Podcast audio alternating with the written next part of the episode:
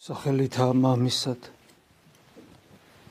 და ძისად და სული საწმინდისად შეიძლება ქონიათ წირვის დროს განწყობა განცდა უფრო სწორედ.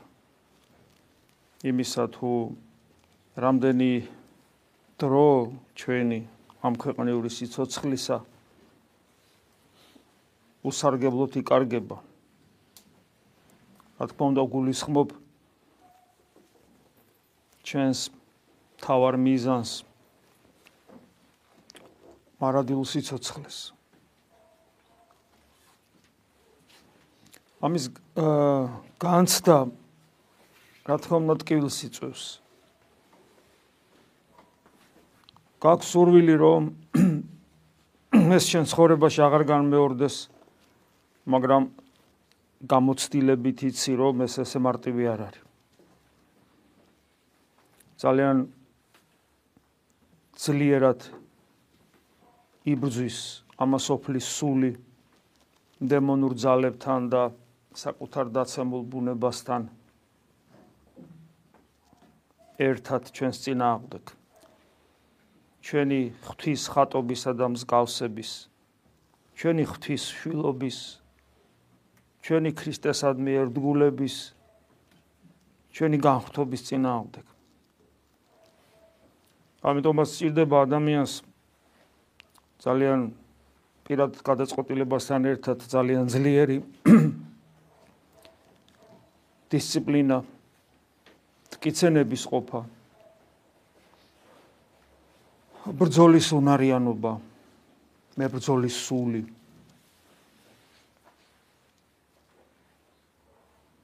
სიფხიზლე, ღვიძარება, გონიერება, განჯის უნარი, რომ არ იქნას მოტყილებული დემონური ძალების მიერ. და ერთ-ერთი ყველაზე მთავარი, რაც ადამიანს ჭირდება, ეს არის სიმდაბლე. სიმდაბლე, რომელიც ტრანსფორმირდება ისეთ სათნოებაში, როგორიც არის ღვთის განგებულებისადმი მორჩილება. ღიაობა ყოველგვარი ღვთაებრივისადმი. მიხვედრა იმისა, თუ რა უნდა ღმერთს. რა არის მისი ნება? ღვთისნების დანახვის უნარი ყველაფერში, დაწყებული წმინდა წერილიდან, ლოცვით ტექსტებში, წმინდა მამათა თხუზულებებში, ადამიანთან ურთიერთობებში და იმ ყოფით სიტუაციებში, რომელსაც ჩვენ ვიმყოფებით, აღმოვჩნდებით ხოლმე. ამ ყველაფერში ღვთისნების დანახვის უნარი, ეს არის ერთ-ერთი უმნიშვნელოვანესი ناყოფი სიმდაბლისა. და ამის საპირისპიროდ სიამაყე, რომელიც ჩვენს გულს ყოველივე ამის მიმართ ხურავს და წარმოდგენაც კი არ გვაქვს ამ დროს თუ რა არის ღმერთის ნება, რა სურს მას. და ისევ ცხოვრობთ საკუთარი სიმართლით, საკუთარი ნებით, საკუთარი ინდივიდუალიზმით, საკუთარი ეგოიზმით და რაც ყველაზე მთავარია და საშინელება საკუთარი ღირსებებით მოხიბლულნი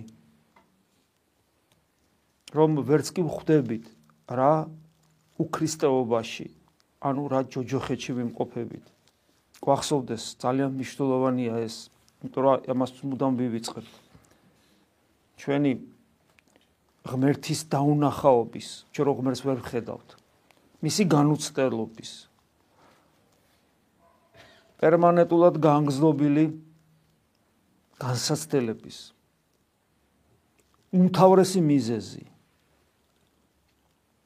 სულიერი სიხარულის არქონის. უმთავრესი მიზეზი არის ჩვენი სიამაყე. როდესაც ჩვენ ყველაზე ძალიან სიამაყის ერთ-ერთი დახასიათება რა შეიძლება იყოს? როცა ადამიანს ყველაზე ძალიან როგორც არ უნდა ლაპარაკობდეს, როგორც არ უნდა იქცეოდეს სოციუმში. სიამაყის შემთხვევაში ადამიანს ყველაზე ძალიან როგორი რელიგიურიც არ უნდა იყოს. სიამაყის შემთხვევაში ადამიანს ყველაზე ძალიან საკუთარი თავი უყვარს. აი ამ ყველაფერში, მათ შორის თავგანწირვაშიც ხშირ შემთხვევაში, აი პავლე რო ამბობს, რომ ჩემი ხორციც რომ მივცე დასაწველად და სიყვარული თუ არა მაქვს, არაფერი ვარ, აი თავგანწირვის შემთხვევაშიც კი ადამიანს მხოლოდ საკუთარი თავი უყვარს, საკუთარი ღირსებები უყვარს. საკუთარი თავგანწირვის უნარი უყვარს, საკუთარი კეთილშობილება უყვარს, საკუთარი რელიგიურობა უყვარს, საკუთარი ქრისტესადმი ერთგულება უყვარს. პარადოქსია კი, მაგრამ ეს ასე. პარადოქსია პავლე მოციქულის სიტყვებიც, თვით მოწამეობრივ ვაწლეს, რომელიც თითქოს უმთავრესი ნიშანია ადამიანის ქრისტიანობის არაფერია, თუ სიყვარული არ მაქვს, პავლე მოციქული ამბობს. აი ეს მდგომარეობა ყოველას გჭირს და ამ მდგომარეობიდან უნდა გამოვიდეთ. ამიტომაც დღევანდელი სიტყვები უფლისა კიდევ ერთხელ გვაფრთხილებს და შეგვაგონებს, რომ უმთავრესი პირობა ადამიანის ქრისტესთან ყოფობისა ეს არის საკუთარი თავის უარყოფა. წარწმე და საკუთარი თავისა ქრისტესთვის. ასეთი ადამიანები მე თან გვეუბნება რომ თუ ასე არაკეთებ, ეს ნიშნავს რომ შენ ეს სოფელი გაინტერესებს. ეს სოფელი რა აზრი აქვს ამ სოფელში? ყველაფერი შეიძინო იმის ჩათვლით, რომ ტაში გიკრან, იმის ჩათვლით, რომ ძეგლები დაგიდგან, იმის ჩათვლით, რომ შენი შენს ღირსებებზე ადამიანები სწავლობდნენ. ეს ყველა ყველაფერი ამასოფლის დიდებაა. თუ სულს დაიღუპა.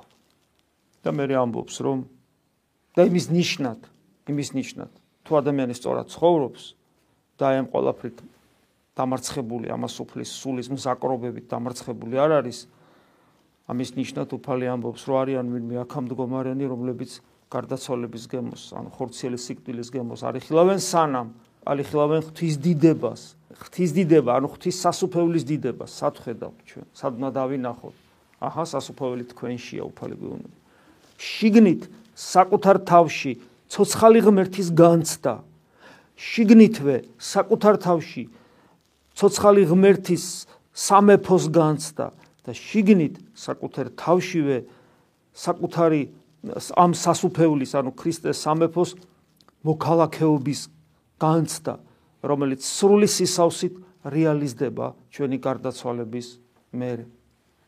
უფრო სწორედ როცა უფალი დაბრუნდება. ნუ კაცობრად თქვას ეს უკვე შორს აღარ არის ერთმანეთისაგან, იმიტომ რომ ეს ათასწლეულები ეს აქ არის გაწელილი დრო, თორე გარდაცვალების მერე ყველაფერი სხვანაირად იქნება უფლის 1000 წელი ვითარცა ერთი დღე და პირიქით როგორც პეტრე მოციქული ამბობს იქ გარდაცვალების მერე დროის მსვლელობა ანუ ეს დრო ფიზიკური დრო აღარ არის რაღაც სხვა რამეა არის ღვთაებრივი მარადისობა, არის ფიზიკური დრო და არის სხვა რამე. აი სხვა რამე, სხვა რამეს ვერ ვერ გავზომავთ ახლა, მაგრამ ეს არ იქნება ის ტანჯველი მოლოდინი, რომელიც ახლა შეიძლება გქონდეს. და აი, როცა უფალი საუბრობს, რომ უნდა ვარყოთ საკუთარი თავი და წარვიწყმიდოთ საკუთარი თავი მისთვის. რაში ვლინდება პრაქტიკულ ცხოვრებაში? ეს ამაზე ეს არის ფაქტობრივად ქრისტიანობა. ეს არის სიმდაბლის გამოვლინება ზუსტად და ღვთისნების აღსრულება. ამაზე ძალიან ბევრი დაწერილა ბევრი თქმულა. აი დღეს მე მინდა უბრალოდ პავლე მოციქულს დავეყდნოთ და პავლე მოციქული რომელიც ალბათ ერთ-ერთი იმ ადამიანთაგანია ვინც ყველაზე კარგად გაიგო ღმერთს რა უნდა და როცა ის ადამიანად მოდიოდა და ამიტომ და ადამიანურ ენაზე ალბათ ალბათ ერთ-ერთი ის ადამიანია რომელიც ყველაზე კარგად გვითარგმნის იმ საიდუმლოებას რასაც ღმერთის ადამიანად მოსვლა და ადამიანის გადარჩენა ქვია და აი დავესესხოთ მას მის სიტყვებს და აი ამ კონტექსში, იმიტომ რომ დღევანდელი 60 ფულოს კონტექსში ცოტა ცოტა მე განგზობილად წავიკითხავ, ეს არის კოლასელთა მიმართ ეპისტოლე, რომლის ნაწილი ჩვენ ახლა აღმოვიკითხეთ და აი როგორ როგორი როგორი მდგომარეობა შეიძლება უნდა კონდეს ადამიანს, რომელმაც საკუთარი თავი უარყო ქრისტესთვის, რომელიც უფლის ნებას ატარებს თავის თავში, შესაბამისად, რას ნიშნავს უფლის ნებას ატარებს? ღვთის მადლს, ღმერთს ატარებს თავის თავში და სწორედ აი ეს არის რატომ? იმიტომ რომ სწორედ ღმერთია მისთვის ძვირფასი და არა საკუთარი თავი და ეს არის სწორედ სიმდაბლის ერთ-ერთი უმნიშვნელოვანესი გამოვლინება. პავლე მოციქული ესე ამბობს: გამოდმებით ვლოცულობ თქვენთვის. კოლასალებს წერს, მაგრამ ეკლესიამ ეს დატოვა როგორც ყველასთვის მიძღვნილი წერილი, ყველა ქრისტიანისათვის. გამუდმებით ვლოცულობ თქვენთვის და შევთხოვთ ღმერთს, რომ აღივსოთ მისი ნების შემეცნებით. აი, როგორი სიტყვები აქვს, იცი, პავლეს ხო ცეცხლია მის სიტყვები, ხო ძალიან სიღრმისეულია და თითოეული სიტყვა არის ისეთი, რომელზეც აი ну ესე რომ თქვა, ტომები დაიწერება, თქვა, ხო? რომელზეც უამრავ და დაწერილა კიდევაც და იწერება კიდევაც და თქმულა და ითქმება და ვერასოდეს ვერ ამოიწურება. ყოველი სიტყვა ისეთია. ანუ რას რას ევედრება პავლე და მასთან ერთად, რა თქმა უნდა, ყველა წმინდანი, რომლებიც ელოდებიან ჩვენს მათთან მისვლას, რას ელოდებიან? მეოხრე როგორც აპოკალიფში არის, ხო, როცა როგორ ლოცულობენ ღვთის საყდრის წინაშე მდგარი წმინდანები დანარჩენი ჯერ კიდე ხორჩი მყოფი კაცობრიობისათვის. რას ევედრებიან ღმერთს? და ჩამონათვალი აქვს, რას ევედრება ღმერთს, რას როგორ გვარიგებს ძალიან საინტერესოა. პირველი, აღივსოთ მისი ნების შემეცნებით. კიდევ ვიმეორებ პავლე მოციქულის სიტყვები ისეთია რომ ის ვერიტევს იმ ცეცხლს რომელიც მის გულში. აი მას შეელო ეთქვა რომ შევთხო ღმერთს რომ ღვთისნება შეიცნოთ. სწორე იქნებოდა სწორე იქნებოდა. და ძალიან მართებული. მაგრამ არა აღივსოთ მისი ნების შემეცნებით. ანუ ღვთისნება კი არ შეიცნოთ უფრო მთელი ჩვენი არსება იყოს გაჯერებული მისინების შემეცნებით. გესმით რას ნიშნავს ეს? აი საკუთარი საკუთარი საკუთარი უკეთური ნების ადგილი საერთოდ რო აღარ არის, იმიტომ რომ კლიანად ავსებული როა ღვთისნების და ნახეთ, ღვთისნების, ღვთისნებით კი არ აღივსოთ, ან ღვთისნება კი არ აღასრულოთ, ღვთისნების შემეცნებით. ანუ რას ნიშნავს? ჩვენი გონება თანამონაწილეობს, ჩვენ გააზრებული ვაკეთებთ ამას და არა ბრმად. აი ნახეთ ყოველი სიტყვა როგორ როგორი დატვირთული. მთელი სიბრძნითა და სულიერი წვდომის უნარით. მთელი სიბრძნით არა სანახეურო მთელი სიბრძნით. სულიერი წვდომის უნარით რა უნარი რაც ღმერთმა ნიჭი მოგცა. ორი ტალანტი მოგცა კიდე ორი უნდა დაამატო ხუთი მოგცა კიდე ხუთი უნდა დაამატო. ანუ რაც მოგცა ღმერთმა მთელი შენი ძალების უნდა ჩადო ამაში სულიერი მთელი უნარები. რათა ისე იქცეოდეთ. და აი აქ არის ბუნებრივი ლოგიკა იქნებოდა ისე იქცეოდეთ აი და სხვა დროს ამასაც ამბობს ხოლმე. რა რა როგორც ახართ მოწოდებულები ხო ქრისტიანად ახართ მოწოდებული ღვთისშილობისათვის ახარ მოწოდებული და როგორც რისთვისაც ხარ მოწოდებული იმის შესაბამისად უნდა იქცეოდე. რათა ისე იქცეოდეთ რისთვისაც მოწოდებული ხართ. ესე უნდა ეთქვა პავლე მოციქულს სხვაგან ასეც ამბობს. აქ ნახეთ როგორ ამბობს. რათა ისე იქცეოდეთ რისი ღირსიცაა უფალი. ნახეთ როგორ შეატრიალა, რასა ხო თმება გული, ხო აი ანუ მე ისონო ვიქცეოდე რითუსაც ქრისტიანი ვარ ღვთისმშობლისთვის მოწოდებული ვარ და უნდა შესაბამისად ვიქცეოდე ხო ჩემ ღირსებაზე აქცენტი აქ სხვა რამეზე აქცენტი. თეოდორე ისე უნდა იქცეოდე რისი ღირსიცაა უფალი და რისი ღირსია უფალი. წარმოგიდგენიათ ამ დიადის სამყაროს ღმერთი რომელიც ადამიანად მოვიდა შენთვის მოკვდა. და იწეგან რო თქვი როგორ ვივიწყებ იმის ღირსია უფალი მე ნაგავს მავიწყდებოდეს? მავიწყდებოდეს? იმის ღირსია უფალი? და მე მავიწყდება. გესმით, აი პავლე მოციქული აი აქ ჩემ სინდისზე მოქმედებს. იმის ღირსია თეოდორ უფალი გავიწყდებოდეს ხოლმე? როგორ უნდა გავიწყდებოდეს? ისე მოიქეცი, ისი ღირსიც არის ის. ყოველნაირად ცდილობდეთ ამოთ მას. ის უნდა რომ მე ვა მომას ეს ჭირდება, ღმერთ ჭირდება რამე. ხო? აი პატარა ბავშვი რო ყავს შობელს და ის ბავშვი რო გაუცინებს. ეხლა ის რაში ჭირდება, ხო? თუ ინდივიდუალურად შევხედავთ. მაგრამ აი ეს მადლიერების სიცილი პატარა ბავშვისა, ხო? აი ეს, რომ აი აქ სიყვარულის ზაფები იბევა. შობელს ისედაც უყვარს ის ბავშვი, მაგრამ უცებ აღმოჩნდა, რომ ბავშვსაც უხარია და ბავშვსაც უყვარს. გესმით, აი ეს ეს ეს ოჯახური, მამაშვილური დამოკიდებულება. ამას ნიშნავს ეს. ناყოფი გამოგქონდეთ ყველა კეთილ საქმეში. საინტერესოა ესეც. იტყოდა რომ კეთილი საქმეები აკეთეთ.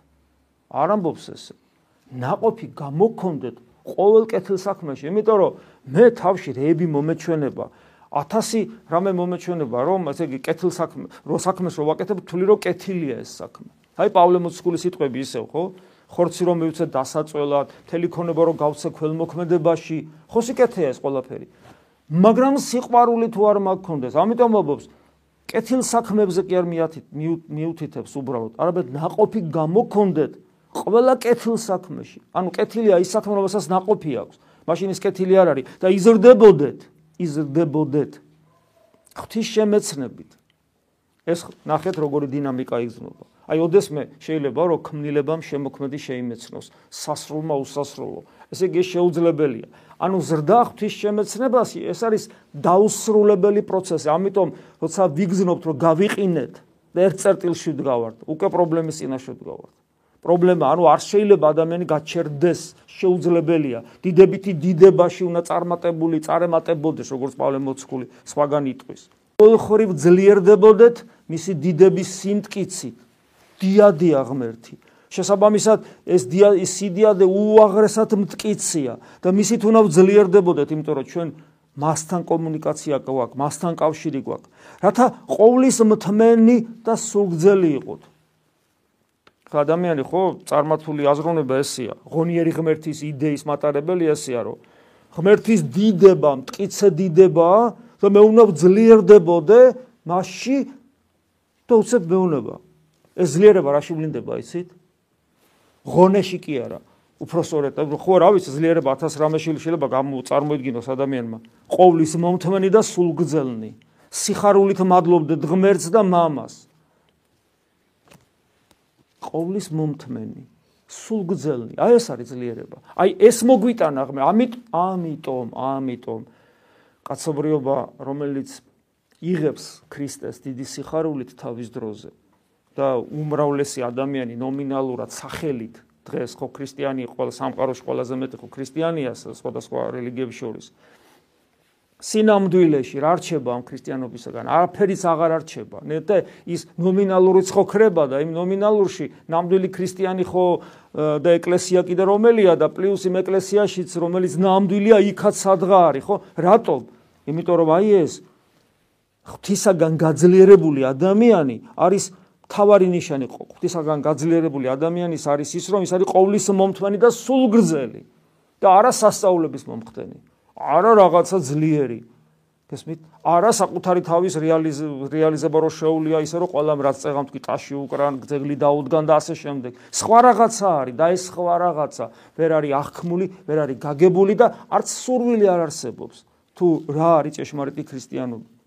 სიხარულით მადლობდეთ ღმერთსა და მამას, რომელმაც იმის ღირსი ყო, ღირსი ღირსი გამხადა ახლა.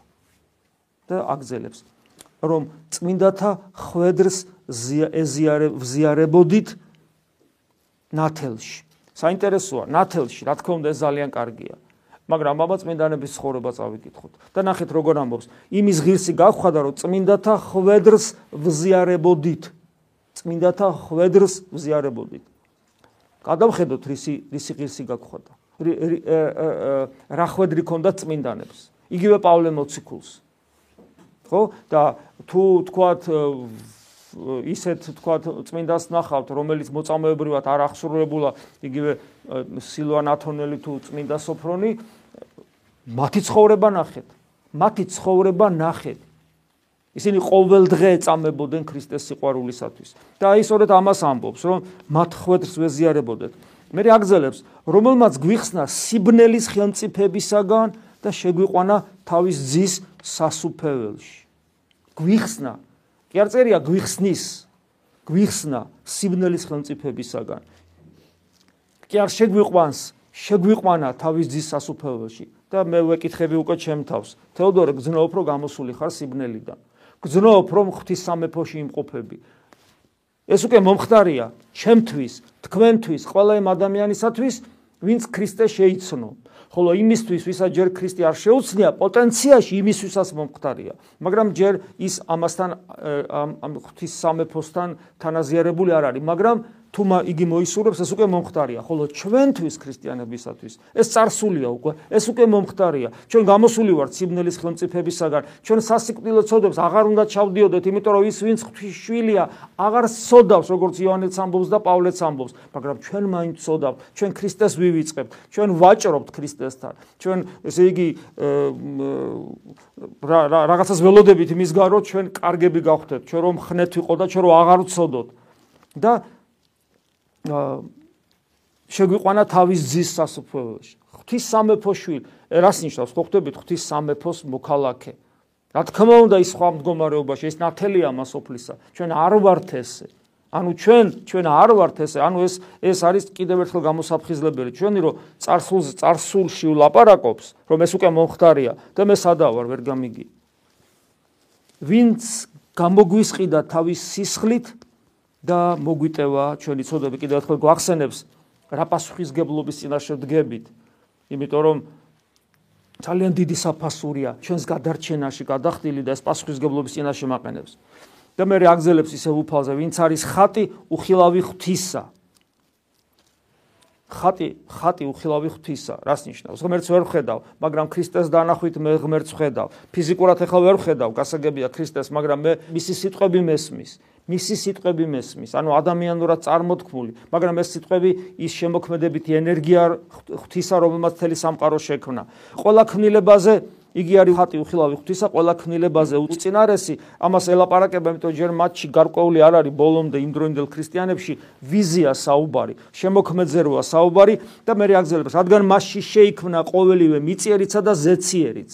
რო არ გეგონოს რომ ესე იგი ყოველ ქმნილებაზე უწინარესი, ესე იგი არ გეგონოს, რომ უბრალოდ სამყაროზე ადრეა შექმნილი, არამედ მიწიერის და ზეციერის არაფერი არ არსებობს სამყაროში. ძე არსებობს, დროც არ არსებობს, ძე არსებობს, იმიტომ რომ мама, ძე მუდამ ერთად არის და ცალკე мама არასოდეს არ არის.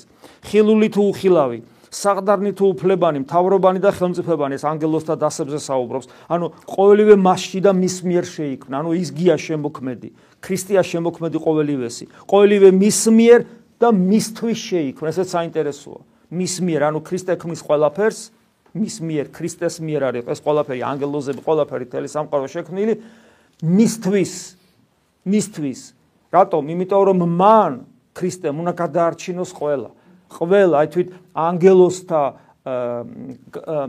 ის ანგელოზები, რომლებმაც დემონური ძალებისგან განსხვავებით არჩევანი გააკეთეს ღვთის სასარგებლოდ საბოლოოდ მყარდებიან როგორც მაქსიმეც ამბობს აღსარებელი ამას საბოლოოდ მყარდებიან თავის კეთილ პოზიციაში მას შემდეგ რაც ღმერთი იხილეს ღმერთი მათაც ღვთის განკაცების მერე იხილეს. ისინი ღვთაებრივ ენერგიებს ჭრეტდნენ ღვთაებრივ ნათელს თავის თავად ხადია მაგრამ აი როცა ის ადამიანად მოვიდა უკვე დასანახავი გახდა ყველასთვის და ყველამ გაიხარა და კიდევ საბოლოოდ გამტკიცდნენ გამტკიცდნენ თავიანთ სიკეთეში.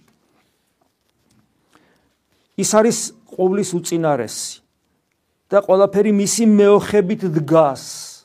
ყველაფერი მისი მეოხებით დგას რას ნიშნავს? ყოვლის მყრობელობას, ანუ ის რომ აი ატომი რომ არსებობს და ელექტრონი და თელი სამყარო, ფიზიკური კანონები, მიზიდულობა, გრავიტაცია, ელექტროობა, ბიოლოგიური პროცესები, ბიოქიმიური პროცესები ორგანიზმში, ყველაფერი, რა თქმა უნდა, შემეცნების უნარები ცოცხალ არსებაში და შემდეგ ყველა ანგელოზები, ყველაფერი არსებობს, იმიტომ რომ ის არის მყრობელი ამის, მესი მეოხებით დგას, ანუ ყოვლის მყრობელია. ის არ იქნება ხელს გაუშვებს ყველაფერი გაქრება. ანუ სამყარო ობიექტურად არსებობს, მაგრამ მხოლოდ იმიტომ მართლა არსებობს ეს ილუზია არ არის, როგორც აღმოსავლურ რელიგიებში ახოლმე, რომ სამყარო ილუზია არ არის ილუზია. ის არსებობს მარადისი არსებებს, მაგრამ იმიტომ რომ ღმერთს უნდა და კონკრეტულად საუბარია ძეღმერთზე, ანუ იესო ქრისტეს. ყოველივე მისი მეოხები დგას და ის არის თავი ეკლესიის შეეულისა. კიდევ ერთხელ კიდევ ერთხელ მიგვანიშნებს იმაზე, რომ ადამიანად რომ მოვიდა, ადამიანად მოვიდა არამიტომ რომ ასე სჭირდება. ადამიანად მოვიდა, იმიტომ რომ თავის ადამიანობაში, ადამიანურ განღმრთობილ ადამიანობაში, რომელიც უკვე ღმერთია, აი ჩვენ მაგალითად ვამბობთ რომ ქრისტე მოკვდა ჯვარზე. ის ღვთაებრივი ბუნებით ხო არ მომკვდარა ასევე მარიამა გააჩინა ღმერთი. ღვთაებრივი ბუნებით არ გაუჩენია მაგრამ მისი ადამიანური ხორცი ხორცი ხსულიცი გულისხმობა მისი ადამიანური ბუნება იმდენად უმწროვალესად არის შეერთებული ღვთაებრივს და შეურევნელად მაგრამ მარადიულად და განუშორებლად და იმდენად არის გამდიდრებული ღვთაებრივი ენერგიებით, ანუ ღვთაებრივი არაზომით, როგორც პავლე ამბობს, არამედ მთლიანად, რომ ჩვენ არ ვყოფთ ერთმანეთისაგან მის ადამიანურ ბუნებას ღვთაებრივისაგან იმ გაგებით, რომ ღმერთს უწოდებთ მთლიანობაში, ანუ ქრისტეს პიროვნება არის ისიც და ისიც. ზღმერთის პიროვნება ისიც და ისიც. ამიტომ როცა ვამბობთ, ის არის თავი ეკლესიის ხეულისა, ეკლესია ეს არის ის რაც ღმერთმა ადამიანად მოსულმა ღმერთმა იესო ქრისტემ თავის ადამიანურ ბუნებაში შემოიერთა და რა შემოიერთა? ყველაფერი. მარტო ადამიანი არა ყველაფერი პოტენციაში როგორც იგივე პავლე მოციქული ამბობს ეფესელთა მიმართ ეპისტოლეში. ყველაფერი შემოიერთა. და საბოლოო ჯამში როცა უფალი დაბრუნდება შეიქმნება ერთი დიადი სამყარო რომელსაც ეკლესია ქვია და ამ ეკლესიაში ანუ ამ დიად სამყაროში ადამიანს აქვს განსაკუთრებული ადგილი ეს ადგილი არის მემკვიდრეობა ღვთისა ანუ თანამემკვიდრეობა ქრისტესი. ეს უბრალოდ აი ადამიანურად რო საუბრობ ამაზე, ჯერ ხო ადამიანური სიტყვა ვერ იტევს.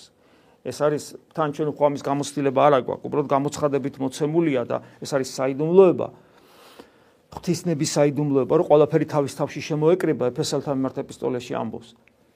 უბრალოდ ჩვენენაზე გამოცდილების გარეშე ნათქვამის კი ვიმეორებთ რა ჩვენი რწმენიდან გამომდინარე გამოცხადების ტექსტ უბრალოდ ნათქვამის კი იმდენად დიადია რომ ჩვენი ცნობიერება ამას ვერაფით ვერ ეგუება უბრალოდ ჩვენ ახლა რომ ჩაუღმავდეთ ყოველი სიტყვა ისეთია რომ შემაძრწუნებელი ვერ ეგუება აი შეუძლებელი ადამიანის ცნობიერებას ბევრ ამის შეგუება არ შეუძლია მაგალითად სამყაროს სიდიადის შეგუება წარმოქმნა ან მიკროსამყაროს საოცარის არაფრის სიცოცხლის არსებობის არის რაღაცები რომელსაც ადამიანის ინტელექტი ლოგიკა ვერ იტევს ვერ ვერ ხვდება ამას. ადამიანის ბუნება საერთოდ ვერ ეგუება ბევრ რაღაცას ხო? მით უმეტეს ქრისტიანულ ჭეშმარიტებებს როგორიც არის სამების შესახებ დოგმატი ღვთის განკაცების შესახებ დოგმატი ხო? აი არ შეუძლია ამის აღქმა და აი ამისაც ამისე მით უმეტეს არ შეუულია. ეს ერთი საოცრება ის არის მეორე საოცრება კიდე ეს არის რომ აი ესეთი სამყაროს ადგილი ღვთის სხეულში არის უკვე განკაცებულ სხეულში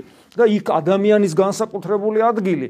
ნუ არ ვიცი, ეხლა თუმეტეს ხედავ საკუთარი თავიდან გამომდინარე ადამიანი დღეს ას წარმოადგენს, როგორც დავით მეფსალმონი ამბობს, ვინ არის ადამიანი, რომ მას მოხედე და ყურადღება მიაქციე საერთოდ, არათუ ყურადღება მიაქციე, თავის შვილად გახადა და მემკვიდრეთ ამ დიაც განხთობილ სამყაროში. ლოგი, ესე იგი, სიტყვიერათაც კი რომ ფიქრობ, ესეც კი ჩვენი ჩვენი არსებისათვის დაუტევნელი რამ არის. და ესე იგი ამბობს ის არის თავი ეკლესიის ხეულისა პირმშო ყდართაგან პირშო ყდართაგან ნიშნავს იმას რომ ის არის პირველი ადამიანთა შორის ვინც აღდგა ხორცითაც აღდგა და ესე იგი მარადისობაში შევიდა. რათა ყველაფერში პირველობდეს მათ შორის სიკვდილშიც. პირველი გახდა უბრალოდ ყდათით აღდგომაშიც ანუ ჩვენი ძმა გახდა იმიტომ ამბობს იოანე მოციქული დასაწყისში სახარებისა, რომ თავისი ღმერთია სამყარო მის მიერ შეიქმნა და მე თავისიანებთან მოვიდაო ამბობს. ჩემ ჩემ ღმერთი თუა ჩემიანი როგორღა? ჩემიანი იმითა რომ ჩემნა ჩემნაირად მოვიდა ამ სამყაროში. საფრთხე მადლი და ენერგიით კი არა მხოლოდ, არამედ დაიბადა. ხო, ესეც პარადოქსია, მაგრამ ესე გააკეთა. ამიტომ ის არის ჩემიანი თავისიანებთან, მაგრამ ჩვენ ვერ ვიცანით და მოვკალით. და ყველაფერში პირველობდეს. მათ შორის საერთოდ აი ყრეთით აღდგომაში. და კეთილინება მამამ ეს ყველაფერი იმიტომ მოხდა რომ მამამ კეთილინება და მამის ნება და ძის ნება და სულიწმიდა ღმერთის ნება ერთ და იგივეა იმიტომ რომ ყოველწმინდა სამების პირებს ერთი ბუნება აქვს და ნება შესაბამისი ერთია.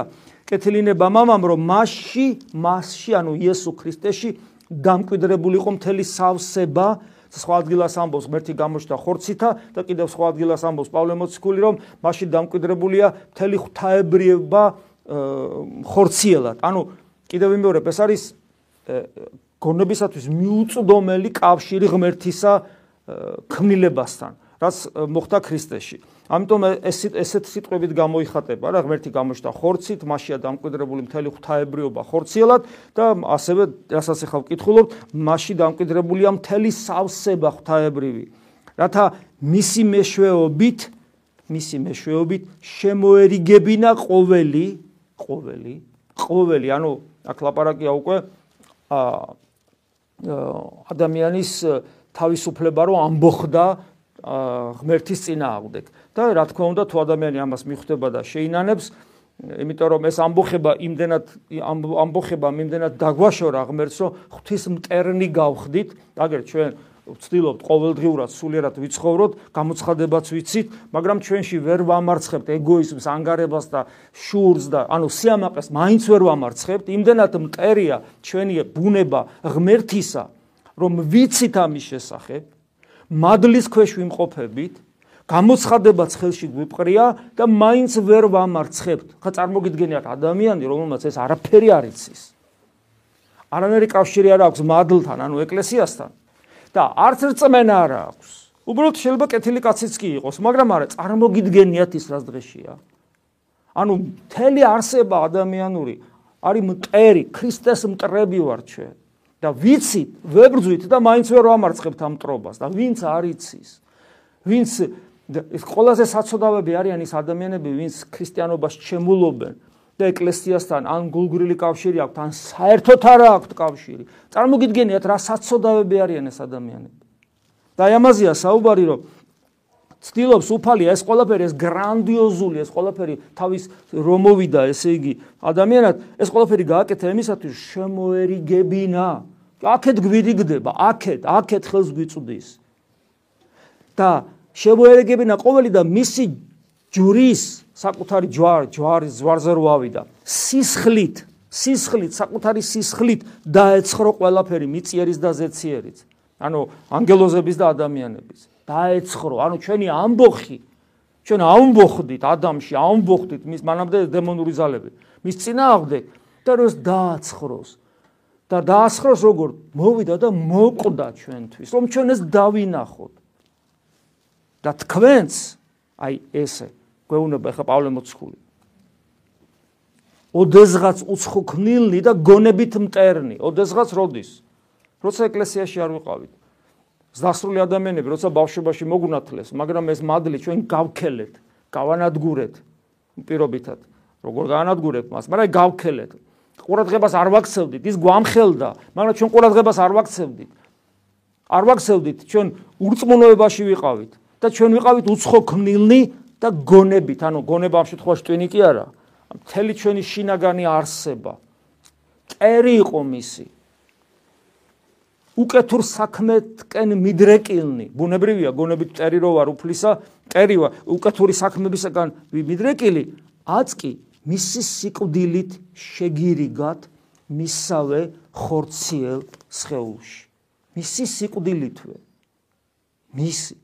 წარმოიდგინეთ, ესე იგი შენ მე დამიშავე, და მე რო შეგირიგდე, შეხონა შემედიგდა წესით და შერიგება რომ მოხდეს, მე ვწირავ ისევ შენთვის თავს. ანუ შენ მე მიღალატე და ისევ მე ვწირავ შენთვის თავს. აი აი რაღაც ესეთი რაღაც.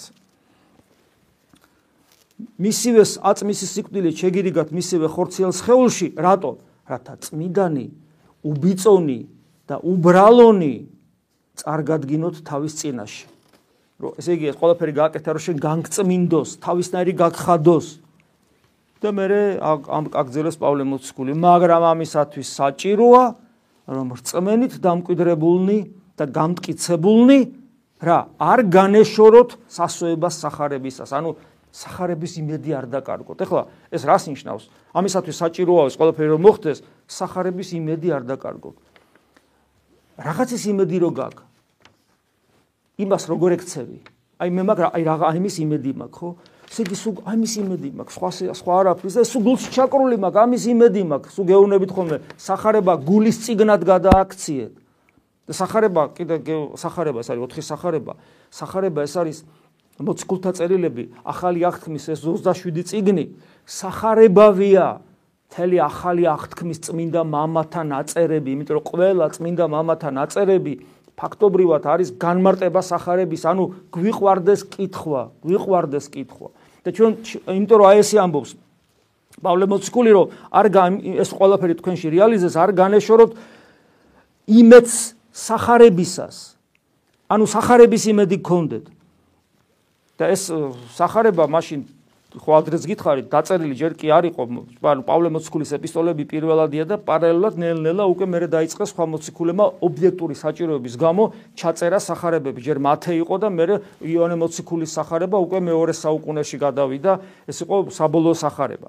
მაგრამ სახარებაში პავლე მოციქული გულისხმობს ღვთის სიტყვას, რომელსაც ის ქადაგებს და ამ შემთხვევაში წერილობითი სახე აქვს ამას.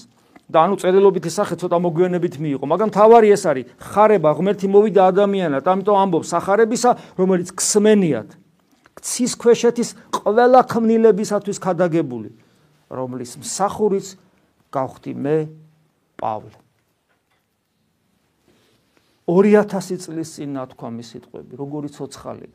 ხედავთ, აი როგორი როგორი ერთიანობაა ეკლესიისა და აი დრო 2000 წელი პატარა ხო არ არის სამყარო როგორ შეიცვალა და ნუ საერთოდ ყველაფერი. აი როგორი მთლიანობაა ეკლესია დღეს დღევანდელი ადამიანისათვის თუ მორწმუნეა რა თქმა უნდა. როგორი ცოცხალია სიტყვები, როგორი ნამდვილი, როგორი აქტუალური, როგორი საჭირო და როგორი სამაგალითო. პავლე მოციქული ცოცხლად გვესაუბრა. ასე რომ როდესაც ჩვენ ჩვენს ყოველდღიურობაში ქრისტეს ვივიწყებთ და ვკარგავთ წამებს ისე რომ მასთან არა ვართ ეს ყველაფერი საბოლოო ჯამში რო იქ არა მოგვივიდეს როგორ ამბობენ ხვირში უკაცრავ როცა ღვთის წინაშე დავდგებით გარდაცვალების მერე ვეცადოთ რომ აი ეს მდგომარეობა როცა ჩვენ ღმერთი არ გვახსოვს ეს მდგომარეობა ნელ-ნელა გაიშვიათდეს და უფრო და უფრო ნელ-ნელა მივიდრიკოთ იმ ცხოვრებისაკენ როდესაც არასოდეს ქრისტეს გარეშე ჩვენ არ ვიქნებ ეს მიღწევადი რომ არ იყოს არ გვექნებოდა აი ამდენი რამე მოცემული და არ გვეყოლებოდა ეს უამრავი დასი წმინდანებისა, რომელმაც ზუსტად ასე იცხოვრეს. ეს შესაძლებელია. ეს არ არის რთული თუ ადამიანი ამ გადაწყვეტილებას მიიღებს და ამ გადაწყვეტილების აღსრულებას ესე იგი მთელი არსებით დაიწყებს. იმიტომ რომ რატომ არ არის რთული და შეუძლებელი? იმიტომ რომ მე ღმერთი გვეხმარება. მარტონი არა ვართ ჩვენ ამ ბრძოლაში. შეგვეციოს უფალი ამინ. მადლი უფლისა ჩვენისა იესო ქრისტესი და სიყვარული ღვთისა და მამისა და ზიარება სულისა წმინდისა იყოს თქვენ ყოველთა თანა. ამინ.